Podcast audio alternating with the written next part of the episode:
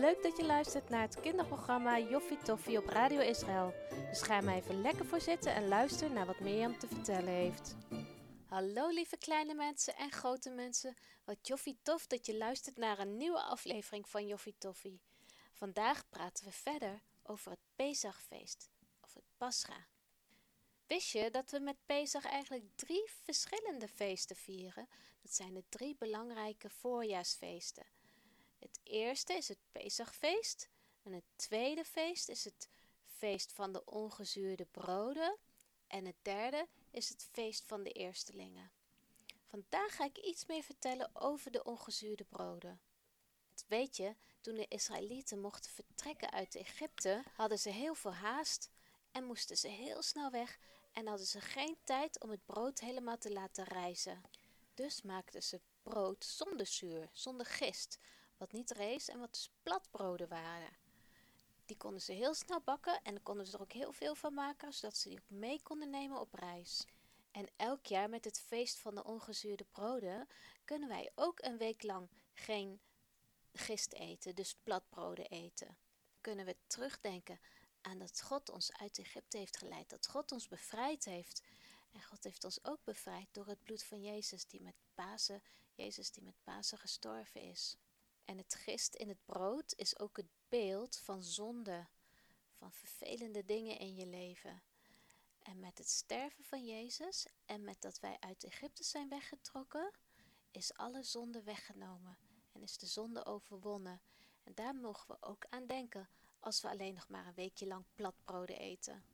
De Bijbel in Deuteronomium 16 vers 1 tot 3 staat: Ieder jaar in de maand Aviv moet u voor de Heer uw God het paas Pesachoffer voorbereiden. Hij heeft u immers op één nacht in die maand uit Egypte geleid. Voor het Pesachoffer te ere van de Heer moet u geiten, schapen of runderen slachten, op de plaats die hij zal kiezen om zijn naam te laten wonen. En bij dat vlees mag u geen gedezemd brood eten, maar alleen ongedezemd brood, gedurende zeven dagen. Het is het tranenbrood dat u, zolang u leeft, zal herinneren aan de dag waarop u wegtrok uit Egypte, aan dat overhaastige vertrek. En jullie begrijpen waarschijnlijk wel dat het woordje dezem in deze tekst dat dat hetzelfde is als zuur of als gist. Dus in de Bijbel staat ook dat we zeven dagen lang ieder jaar weer opnieuw mogen denken aan, aan de uittocht uit Egypte, aan dat Jezus voor ons gestorven is en dat onze zonden zijn weggedaan. Zullen we verder naar het verhaal gaan luisteren? De volgende morgen, als het nog heel vroeg is, moet papa alweer aan het werk. Gerson staat ook vroeg op. Als papa de deur uit is, eet hij vlug wat en gaat hij naar buiten. Baki zal nog niet wakker zijn. Langzaam slentert Gerson in de richting van de rivier. De machtige rivier de Nijl. Een poosje geleden was er iets heel vreemds gebeurd.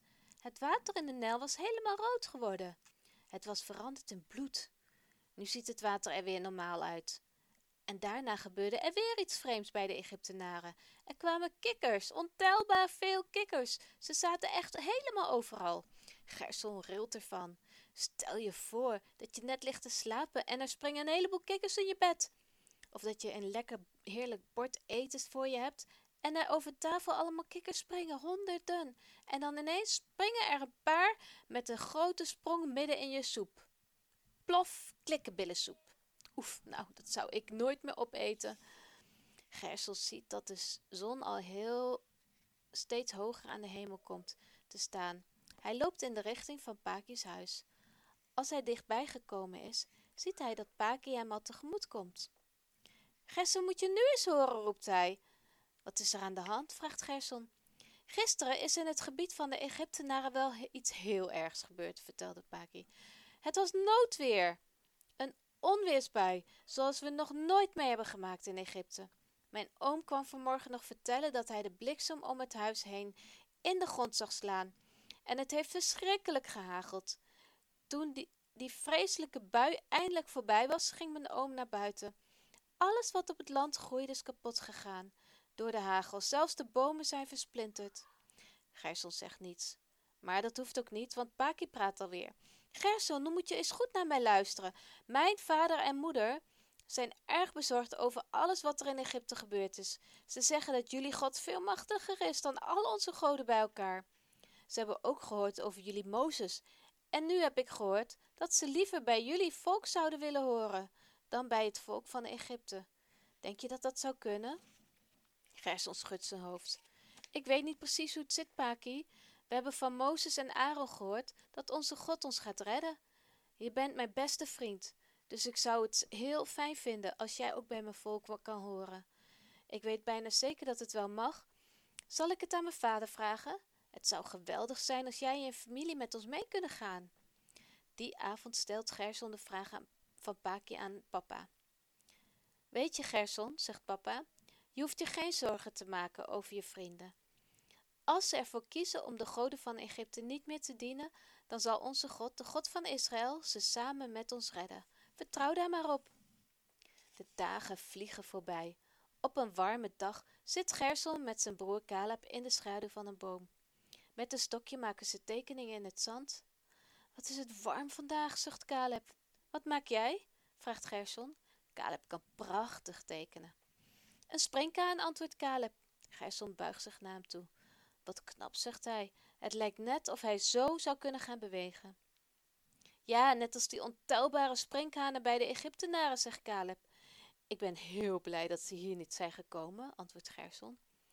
In de verte komen twee jongens aanlopen. Dat zijn Paki en Amon, zegt Gerson. Kom op, Caleb, dan gaan we met hen spelen. De jongens vergeten de warmte en lopen hun vrienden tegemoet. Als ze dichterbij komen, zien ze dat Amon erg donker kijkt. Wat is er aan de hand? vraagt Gerson. Heb je het nog niet gehoord? vraagt Amon. De afgelopen drie dagen zijn verschrikkelijk geweest. Ik was thuis met mijn vader en mijn moeder en met baby Gionne. Toen het s morgens licht moest gaan worden, gebeurde er niets. De zon kwam maar niet tevoorschijn. Het was echt helemaal donker. We konden geen hand voor ogen zien. Ik wapperde steeds maar weer heen en weer met mijn handen voor mijn gezicht, maar zelfs mijn eigen handen kon ik niet zien. Mama was vreselijk bang en papa deed net alsof het allemaal niet zo erg vond, maar aan zijn stem kon ik toch horen dat hij bang was. Mijn kleine zusje huilde en huilde alleen maar en ik heb drie dagen heel stil in een hoekje gezeten. Papa zei dat jullie God nu echt gewonnen heeft van onze belangrijkste God Ra, de zonnegod. Hoe liep het af? vroeg Caleb. Na drie dagen kwam de zon eindelijk weer op. Ik was zo opgelucht. Het leek wel alsof ik toen pas weer echt adem kon halen, zegt Amon. Dat lijkt me echt heel spannend, zegt Gerson.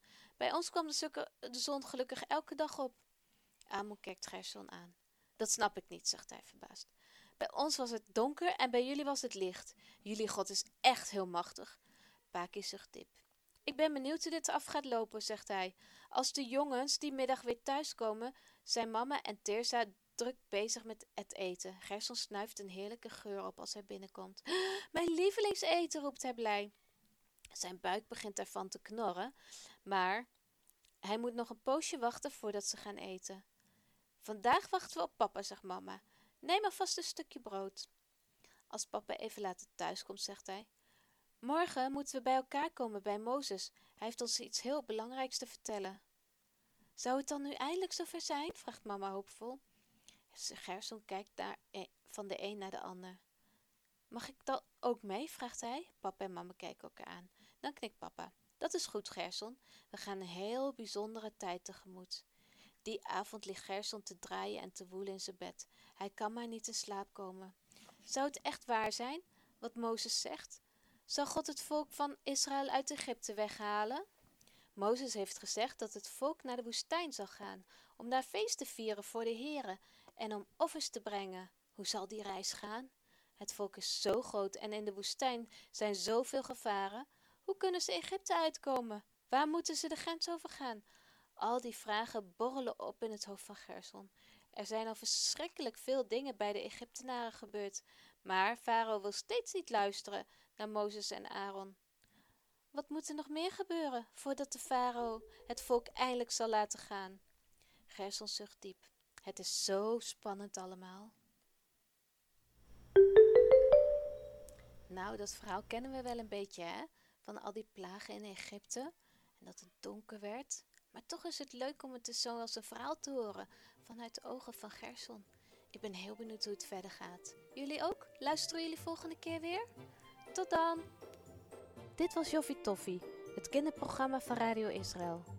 Wil je nog graag iets kwijt? Stuur ons dan gerust een berichtje op joffietoffie.radioisrael.nl De presentatie was in handen van Mirjam en we vonden het joffie tof dat je luisterde en hopen dat je er volgende keer weer bij bent.